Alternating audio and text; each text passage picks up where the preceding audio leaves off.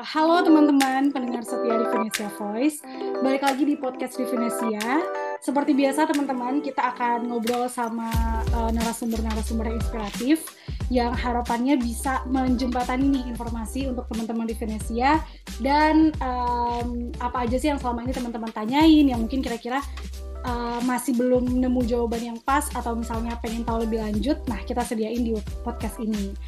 Nah, teman-teman, mungkin uh, karena kita udah agak lama gitu ya nggak nongol di podcast, aku mau mengingatkan lagi kalau podcast Refinansia itu punya tiga segmen. Dan segmen yang akan kita bahas hari ini itu adalah segmen tips untuk anak HI. Edisi bahasa. Kenapa edisi bahasa? Kan biasanya edisi beasiswa ya. Kenapa edisi bahasa? Karena banyak request yang masuk. Kita akan ngebahas tentang berkas-berkas atau perintilan-perintilan beasiswa yang salah satunya adalah persiapan bahasa nih, teman-teman. Dan hari ini spesial banget, kita kedatangan orang yang emang uh, expert banget nih di bahasa, terus juga konten kreator bahasa juga. Kayaknya mungkin teman-teman uh, pernah nemuin kali ya reelsnya uh, muncul di timeline teman-teman atau di mana gitu, karena emang konten kreator kita hari ini sangat uh, sukses ya di Instagram membahas tentang bahasa Inggris. Oke, tanpa berlama-lama kita sapa dulu deh. Halo Kak Dava. Halo Ica, thank you for having me. thank you juga sudah bersedia diundang.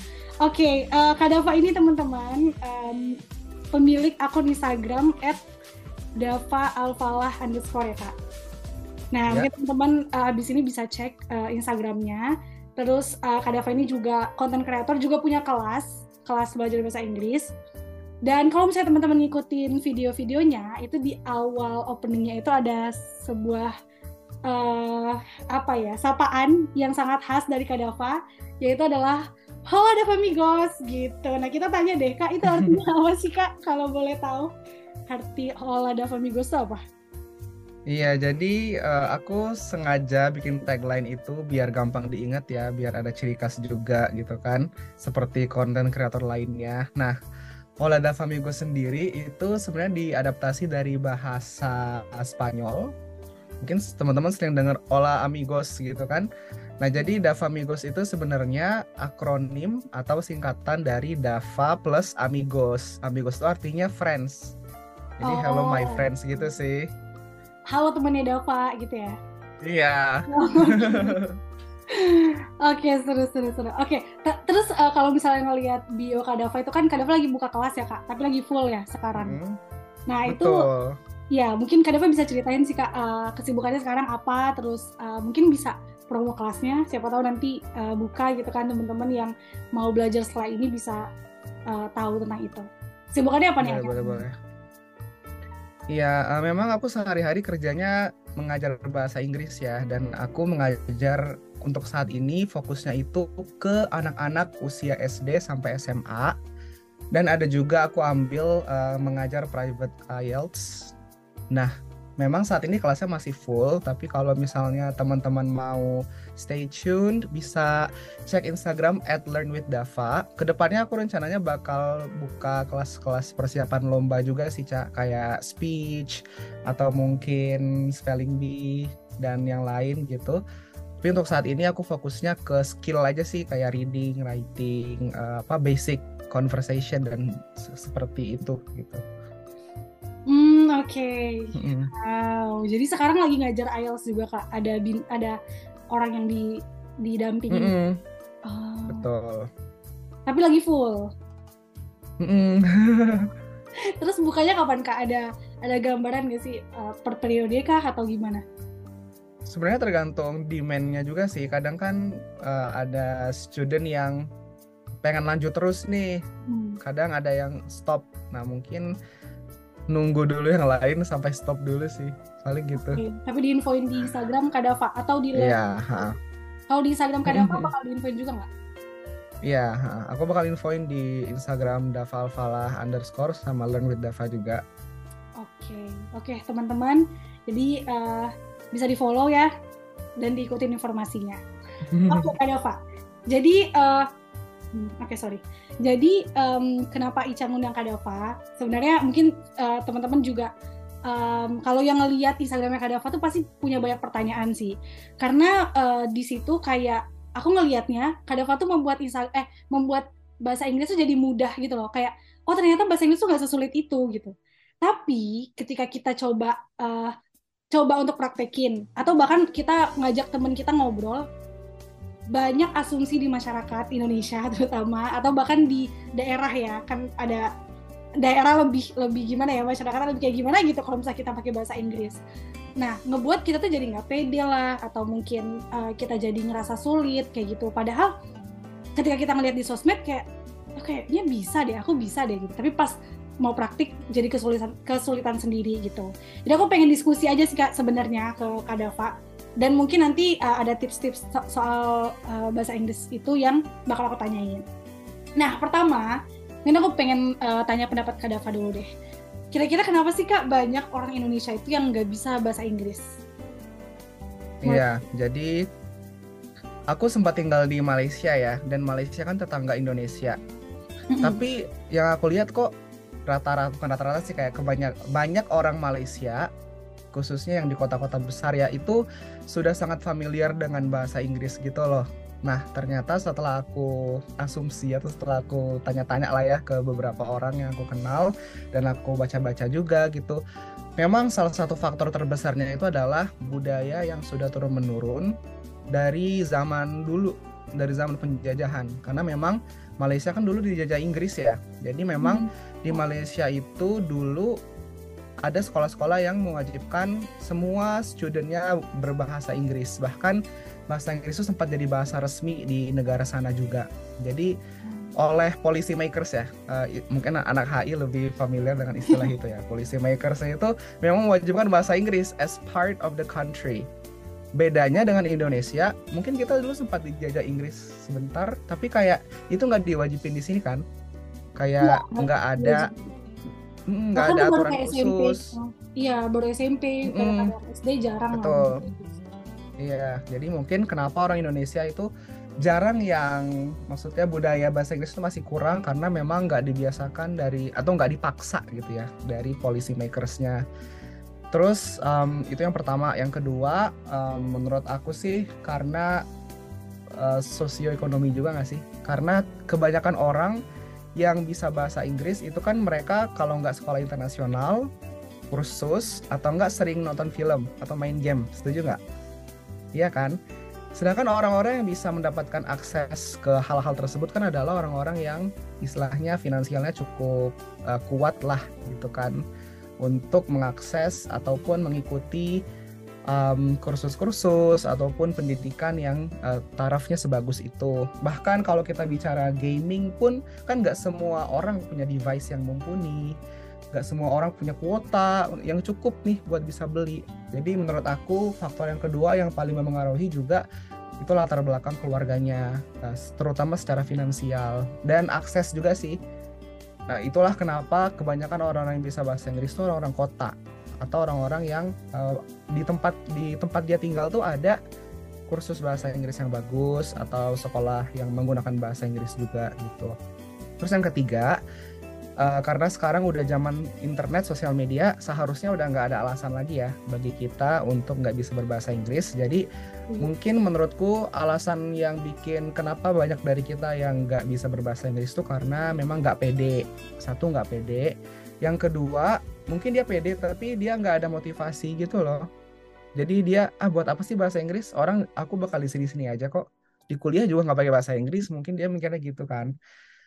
Itu jadi nggak pede nggak ada motivasi atau yang ketiga itu dia diejek.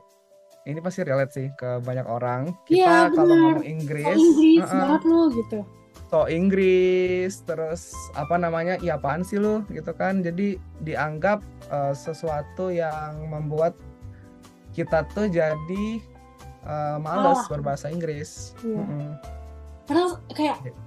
takut salah kan jadi kita jadi ngerasa takut oh ini salah oh iya benar-benar benar-benar karena kalau salah kita kan apa suka bukan kita maksudnya eh, orang-orang di sekitar kita mungkin sering kritik kita dengan bahasa yang mungkin kurang enak gitu Hmm. Meskipun kadang bercandaan gitu kan. Judgmental kan, banget ya society hmm, kita. Menurutku sih gitu sih, Cak. Oke. Okay. Oke, okay, Kak. Berarti uh, tiga tadi ya. Um, dan itu sebenarnya hmm. bisa jadi uh, solusi juga kalau misalnya ditarik ya kayak ternyata masalahnya tuh dari policy maker aku setuju sih kak jadi kalau aku cerita dikit kemarin aku pernah uh, pernah ke DPR terus habis itu ada guru-guru bahasa Inggris yang datang untuk jadi guru bahasa Inggrisnya mengajukan supaya SD itu diwajibkan untuk uh, masuk mata kuliah eh mata kuliah mata pelajaran bahasa Inggris gitu. Kayak ini gurunya loh yang minta maksudnya kayak gurunya minta ke policy maker bukan policy makernya yang realize bahwa ini penting. Jadi di situ itu sih benar uh, not banget soal policy maker itu karena kalau udah diatur kan ter secara terpaksa nggak sih kita awalnya untuk belajar oh. sedang kecil. Yeah. terus tadi juga uh, kadang cerita soal akses uh, sama um, soal society. Nah ini ini nyambung ke pertanyaan aku yang selanjutnya Pak. Kayak tadi kan karena society kita itu suka menjudge dan punya anggapan jelek kalau misalnya kita uh, nggak kayak orang pada umumnya gitu, nggak nggak bahasa uh, Indonesia atau nggak bahasa lokal, jadi kita mereka ngejudge gitu. Kita jadinya kayak takut gitu kan kak untuk ngomong bahasa Inggris. Mm -hmm. Nah, menurut kakak untuk orang yang kayak gitu yang misalnya tumbuh di lingkungan society yang uh, judge judgmental gitu terus dia takut tapi dia sebenarnya punya punya motivasi untuk ngomong bahasa Inggris. Nah itu tuh kayak gimana sih? Dia harus kayak gimana sebenarnya? Karena kan tuh juga pas karena gini dia nggak nyaman padahal padahal dia mau gitu. Nah itu tuh bagusnya kayak gimana sih dia merespon society-nya yang nggak sportif gitu Iya iya iya. Kalau berdasarkan pengamatan dan pengalaman pribadi aku sih, cara yang paling efektif dan paling gampang itu harus cari orang-orang yang setipe. Artinya dengan join organisasi atau again kursus, kursus yang memang orang-orang yang ngumpul di situ tuh memang orang-orang yang pengen belajar bahasa Inggris bareng kan. Karena kalau kita maksain nih buat menyenangkan hati semua orang kayaknya susah deh kurang realistis. Jadi uh, kalau misalnya kan di kampus-kampus sering tuh ada English Club atau mungkin ada debating, MUN segala macam itu join aja. Kalaupun memang susah atau nggak ada, ya coba cari yang online deh minimal. Apa gitu di Facebook tuh biasanya ada grup-grup belajar bahasa Inggris atau mungkin sekarang uh, anak-anak pada main Discord or something. Telegram kan grup-grup WA. Yeah. Biasanya ada aja tinggal searching aja gitu tinggal kitanya aja sih mau cari apa enggak sih cak hmm oke okay. setuju setuju betul sih kak jadi oke okay, jadi ini juga menjawab uh, keresahan teman-teman ya yang mungkin uh, hidup di society yang kurang mendukung terus takut padahal tahu bahwa itu penting uh, salah satu caranya adalah join ke komunitas atau organisasi yang punya hobi yang sama gitu ya kak dan ketika kita yeah. masuk ke dalam situ kita jadi malah terpacu bukan bukan malah insecure eh bu, bukan malah apa ya bukan malah nggak mau tapi malah kayak oh harus lebih nih karena yang teman-teman yang lain udah pada bisa gitu kan. Ya mm-hmm. setuju setuju masuk komunitas. Nah terus kak selain masuk komunitas menurut kakak apa sih yang bisa kita lakuin untuk nge-improve bahasa Inggris kita? Ini secara personal apa secara komunitas nih? Uh, secara personal kan kita tadi udah join oh, komunitas personal ya? Uh, tapi pengen improve oh, lagi, iya, iya. lagi gitu. Oke okay. uh, eh, kalau aku pribadi sebenarnya ada beberapa cara sih yang bisa dicoba. Mungkin bisa disesuaikan aja sesuai dengan kemampuan masing-masing.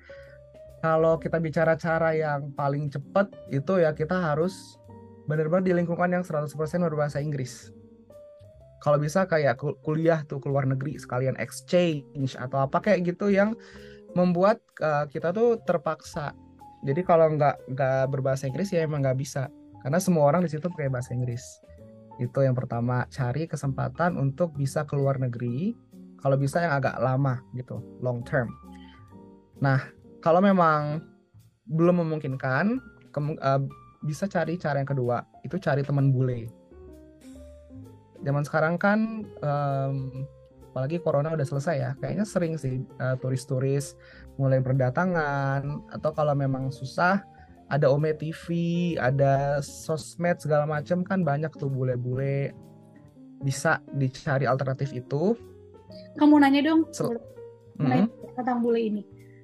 Uh, kakak pernah punya pengalaman gak sih yang kayak gitu? Maksudnya um, uh, apa pertama kali ketemu bule terus ngajak dia temenan tuh kayak gimana emang gitu loh biar bisa sampai hmm, punya temen pertama kali ya uh-uh.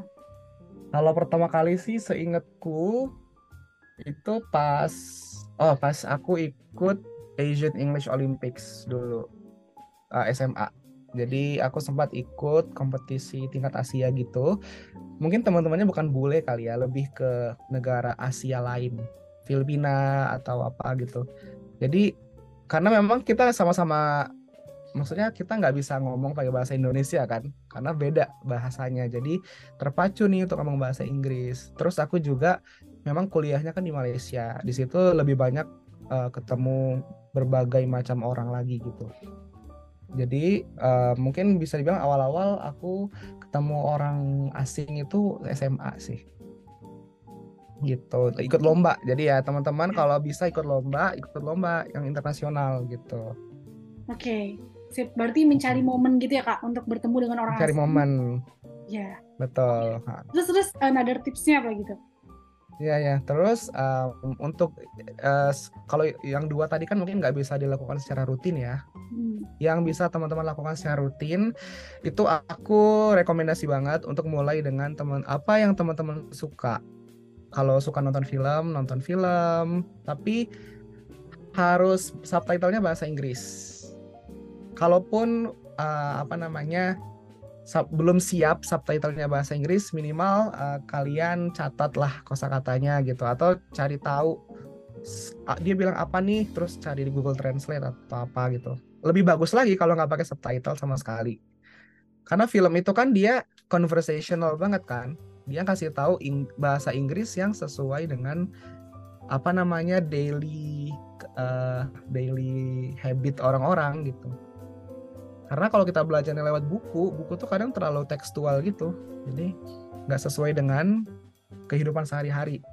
Jadi pertama aku saranin banget perbanyak nonton film berbahasa Inggris atau mungkin YouTube ya kan sekarang banyak tuh vlog-vlog atau apa sih kayak uh, a day in my life gitu-gitu Ya ya aku suka berita-berita gitu. juga. Gitu. Iya kan? Asik mencari inspirasi gitu gak sih? A day in my life, mm -hmm. Student. Iya, aku setuju banget. Mulai dengan yang teman-teman suka. Kalau misalnya basicnya udah lumayan dapet nih, mungkin baru bisa masuk yang agak advance. Itu uh, bisa belajar pakai buku. Kenapa pakai buku? Karena buku itu kan dia kasih tahu nih step by stepnya apa aja, bab-babnya gitu. Bukunya macam-macam sih. Bisa teman-teman pakai buku yang skillnya lengkap nih, ada speaking, ada writing segala macam, atau yang grammar doang juga bisa. Dan sebenarnya lebih bagus lagi kalau ada guide dari seorang teacher sih. Kalau misalnya kalian bisa cari waktu dan ada kesempatan buat kursus, lebih baik ambil kursus. Karena teacher kan bisa membantu untuk menilai diri kita kan. Karena kadang kita merasa ah, udah jago nih, ternyata masih banyak salah gitu kan. Kita butuh teacher atau mentor atau cari teman yang bisa menilai bahasa Inggris kita juga. Terus uh, yang berikutnya harus sering dipakai. Jadi yang awal-awal tadi kan perbanyak input tuh. Hmm. Inputnya dibanyakin, banyak dengar, banyak baca. Nah, jangan lupa untuk banyak dipraktekin juga outputnya. Terutama speaking. Writing boleh lah, tapi speaking itu paling utama karena kita dibilang bisa bahasa tersebut kalau kita bisa ngomongnya kan. Hmm. Iya kan? Jadi cari teman again cari teman atau bule siapa pun yang bisa diajak ngomong bahasa Inggris dan untuk awal-awal jangan takut salah dulu deh pokoknya ngomong aja ngomong ini sering berjalannya waktu kalau kamu udah siap nih kamu bisa bilang gini e, aku mau ngomong bahasa Inggris tapi kalau ada yang salah tolong dikasih tahu ya gitu jadi itu sih cak. Oke. Okay. oke okay, kak. Nah uh, oke. Okay. ini ini kan kayak praktikal gitu kan kak? Maksudnya belum mm -hmm. struktural. Nah, kadang tuh misalnya kita ketemu udah udah ketemu bule nih misalnya kan. Terus habis itu kita ngerti nih dia ngomong apa. Cuman kita ya kan itu pro problem umum banget. Kita nggak bisa ngerespon. Misalnya kayak otak kita mm -hmm. ngestak gitu loh yang kayak kita udah masukin input tapi hah? Ya even kayak cuma bilang oh iya ya menanggapi dengan simpel aja tuh nggak bisa. Nah itu tuh ada nggak sih kak? Uh, apa ya? Teorinya kenapa sih kita bisa nge-freeze itu ketika kita harus merespon sesuatu? Terus kedua kenapa kita jadi lupa ingatan gitu? Padahal kita udah banyak input misalnya. Kita udah hmm. bahkan kita udah latihan. Tapi at that moment berhadapan dengan bule berhadapan dengan orang langsung langsung nge-freeze. Nah itu tuh gimana? Itu kenapa? Dan mungkin gimana tipsnya supaya enjoy gitu menjalaninya dan gak nge-freeze Iya iya. Kalau bicara teori sih aku pernah denger ya teorinya, tapi aku lupa namanya apa. Jadi dia tuh kayak fenomena ketika kita bisa paham apa yang kita dengerin, tapi ketika kita harus ngomong itu nggak bisa. Dan Betul. itu fenomena itu ya wajar berarti? sebenarnya. Oh. Ada. Itu kan sama kayak anak bayi. Anak bayi yang baru lahir nggak tahu apa-apa, dia denger terus kan nggak nggak nggak pernah ngomong tuh karena emang belum bisa ngomong. Dia dengar bahasa yang orang tuanya ucapkan, yang lingkungannya ucapkan, dia serap terus. Di awal-awal mungkin salah kan bahasanya kan, kayak strukturnya masih Oh, nggak jelas. Cuman lama kelamaan, lama-lama dia akan bisa sendiri dan dia nggak inget gimana dia belajar sampai dia bisa. Jadi menurut aku sih cara yang paling efektif tuh ya mengikuti cara bayi belajar bahasa baru, yaitu dengan ya ya terus mengasah aja sih. Karena bahasa itu kan seperti skill yang lain. Seperti kalau kita main musik atau kalau kita eh, menulis eh, apa sih cerita, seperti kita main olahraga, itu kan nggak bisa apa namanya langsung bisa. Kecuali mungkin ada bakat ya. Tapi kalaupun berbakat, pasti nanti akan ada titik jenuh di mana kita ngerasa bakat tuh nggak cukup. Mungkin di awal-awal gampang nih, uh, set, set, set, basicnya bisa semua. Lama-lama nanti pasti akan butuh uh, waktu di mana kita ngerasa ini memang harus diasah terus. Jadi kalau memang itu kejadian, at that moment kita nge-freeze, it's okay, take your time aja. Um, zaman sekarang kan ada Google Translate ya. Sejelek-jeleknya bahasa kamu, se-nge-freeze nge-freeze-nya kamu, udah buka aja Google Translate. Time will tell kok.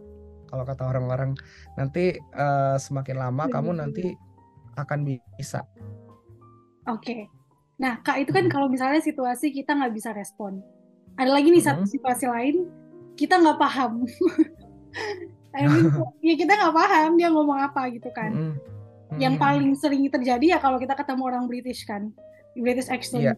Nah, itu gimana Kak? Cara efektif untuk apa kita memaksa untuk berusaha paham atau gimana atau apa sih respon yang bagus untuk kayak gitu di situasi itu? Iya iya iya. iya. Em, mungkin lihat dulu ya kalau memang situasinya tuh kayak penting, misalnya kayak kita ke Inggris kita taruhlah gitu dan kita harus harus paham nih apa yang dia omongin karena misalnya dia profesor kita atau apa ya clarify aja sih kayak could you please repeat because I couldn't hear you gitu. Dan em, mereka akan ngulangin kok. Mereka akan ngulangin sampai kita paham. Atau kamu bisa minta mereka untuk simplify bahasanya. Atau kamu bisa minta mereka tulis apa yang mereka pengen. Sejelek-jeleknya itu kamu bisa minta mereka peragain. Dan itu aku nggak pernah sih sampai peragain ya. Tapi aku sering dengar orang-orang eh, orang lain gitu sa- saking nggak bisanya bahasa Inggris itu sampai dia harus pakai bahasa tubuh Hmm.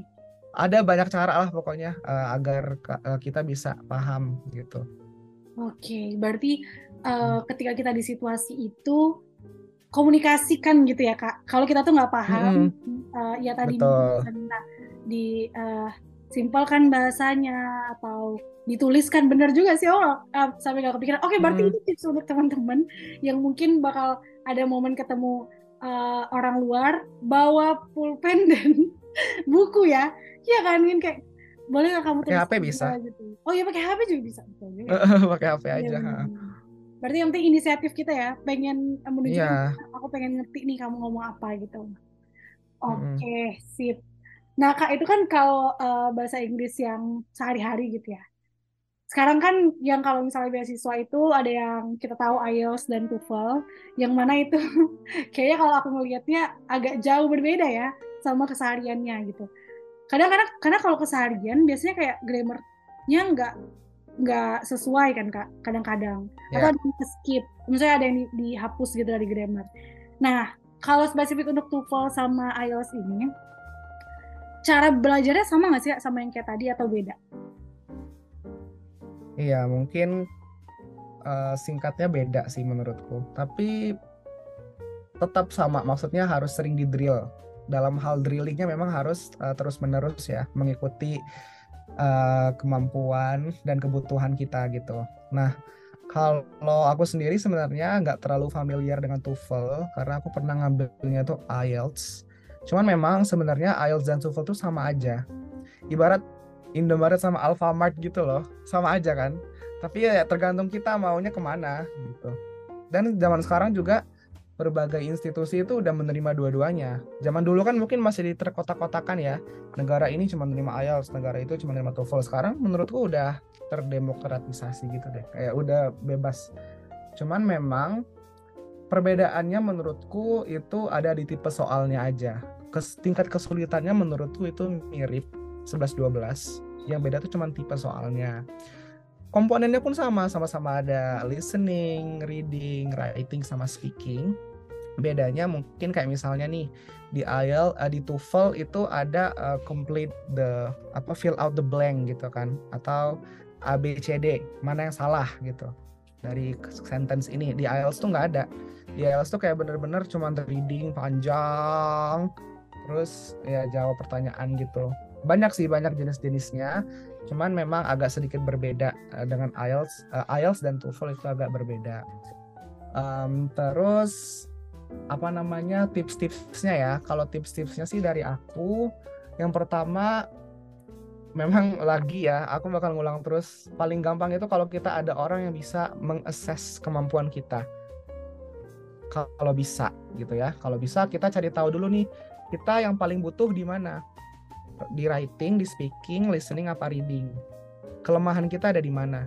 Nah, kalau kita udah tahu kelemahan kita di mana, kita bisa fokus mengeluarkan lebih banyak energi untuk belajar hal itu.